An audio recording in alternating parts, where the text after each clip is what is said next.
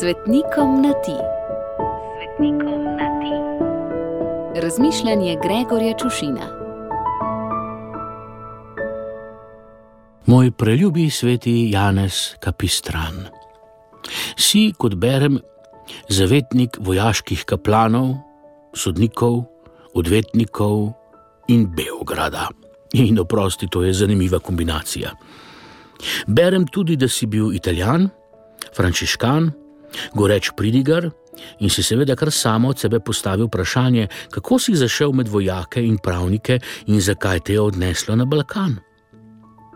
Berem dalje in odgovori prihajajo po tekočem traku. Rodil si se v Kapestranu, odtot tvoj primek ali bolje vzdevek, kjer je tvoj oče, baron, opravljal vojaško službo. Kot nadarjenega mladeniča so te poslali študirati pravo v Perugio, mesto le streljaj daleč od Asizija.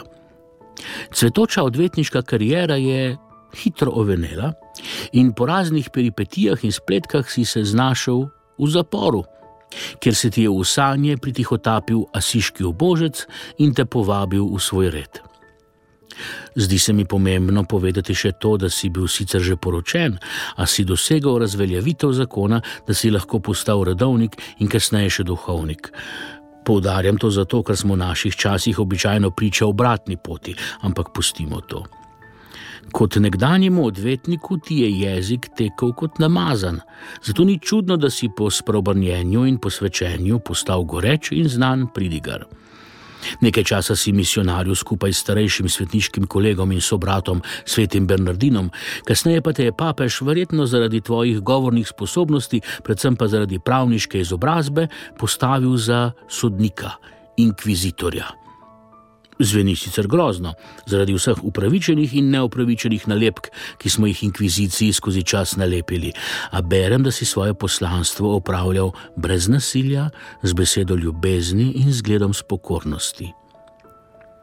In berem še, da si 40 let pridigal vsak dan da so te prihajali poslušati ljudje od blizu in daleč, da so bile največje cerkve premajhne, da si nisi privoščil počitka in bom tudi te besede posebej poudaril, ker danes vsaj ni več tako, če ni celo, kot sem zapisal prej, raje obratno.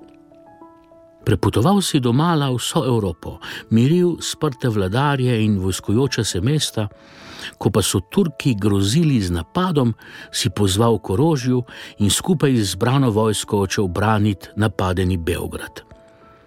In da bom zvest obratom v tej zgodbi, da ti povem, ljubi moj svet Janez Kapistran, da sem tudi jaz služil vojsko v Beogradu, ker so me klicali za Janeza in to tik preden je Beograd napadal nas.